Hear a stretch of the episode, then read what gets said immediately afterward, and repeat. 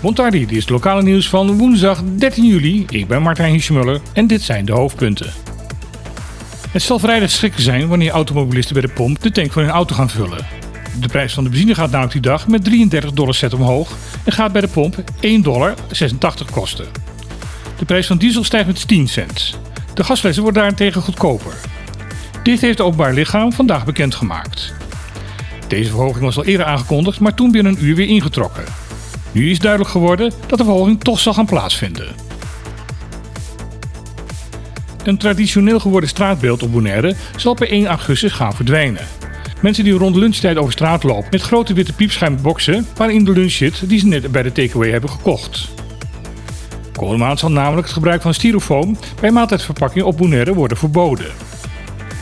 Dit is een onderdeel van de campagne om eenmalige gebruikte kunststof op het eiland te beperken. Al eerder werd het gebruik van plastic draagtasjes, bestek, roerstaafjes en rietjes verboden. Het openbaar lichaam Bonaire stimuleert bewoners om ook bij het gebruik van afhaalmaaltijden zelf herbruikbaar materiaal mee te nemen, zoals bestek en drinkbekers. Onderzoek van het OLB heeft laten zien dat veel supermarkten de piepschuimbakken al niet meer te koop aanbieden. Ook het verbod op ander wegwerkplastic wordt volgens de directie toezicht en handhaving goed nageleefd. In mei werd Bonaire verrast door een actie waarbij op verschillende plekken aan de kust zwemvesten aan palen waren vastgemaakt. Het bleek een actie te zijn van de milieuorganisatie Greenpeace.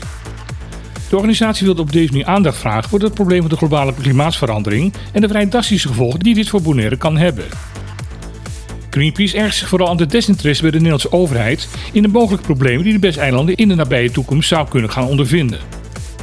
Recente studies van het KNMI laten zien dat de zeewaterspiegel bij Bonaire waarschijnlijk sneller zal gaan stijgen dan bijvoorbeeld bij Statia en Sabet geval zal zijn. Ook zal het risico van overstromingen bij Bonaire, bijvoorbeeld door stormvloedgolven, groter zijn omdat een flink gedeelte van Bonaire maar net boven het zeeniveau uitsteekt. Omdat er hierover nog maar weinig concrete feiten bekend zijn en de Nederlandse overheid geen aanstalten maakt om daar verandering in te brengen, heeft Greenpeace bij de Vrije Universiteit van Amsterdam opdracht gegeven om onderzoek te doen wat de gevolgen van de opwarming van de aarde zou kunnen hebben voor Bonaire. Om dit te bekostigen is er gisteren aan alle contacten, donateurs en vrienden van Greenpeace een e-mail gestuurd om dit onderzoek met donaties te ondersteunen.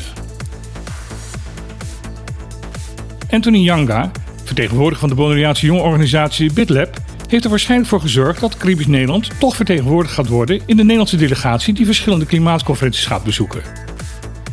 Het ergerde Yanga dat in deze delegatie alle onderdelen van het Nederlands Koninkrijk waren vertegenwoordigd, met uitzondering van de Bezeilanden. Onterecht vindt Yanga, omdat diverse Bonaireaanse jongeren in Nederland studies doen of hebben gedaan op het gebied van chemie, duurzaamheid en klimaat. Er zijn in de delegatie wel vertegenwoordigers van Europees-Nederlandse jongerenorganisaties opgenomen. En Yanga vindt dat het perspectief van Caribische jongeren ook gehoord moet worden. Daarom heeft hij een onderhoud gehad met de Nederlandse klimaatsgezant, Prins Jaime de Bourbon de Parma. Volgens Yanga heeft hij de prins kunnen overtuigen dat er plek moet worden ingeruimd voor de Bonaireaanse jongeren. Het is nu aan het ministerie van Economische Zaken om dat ook daadwerkelijk mogelijk te maken. Schrikbarend groot, zo noemt minister Carole Schouten de armoedeproblematiek in Caribisch Nederland. Dat schrijft ze in een brief die vandaag naar de Tweede Kamer is gestuurd. Ze zegt ook in de brief dat dit moet veranderen. Ondanks dat had ook zij vast aan het eikpunt sociaal minimum, waarbij het uitgangspunt is dat niet alleen het minimumloon omhoog moet, maar ook de kosten van het levensonderhoud omlaag. Deze verlaging van de kosten is al jaren het streven van achtereenvolgende Nederlandse kabinetten, maar in praktijk is dat nog nooit gelukt. Vooral sinds de coronacrisis is het levensonderhoud op de eilanden alleen maar flink duurder geworden. Nieuw is dat de minister voortaan het eikpunt sociaal minimum jaarlijks wil gaan indexeren aan de hand van de consumentenprijsindexcijfers van het CBS.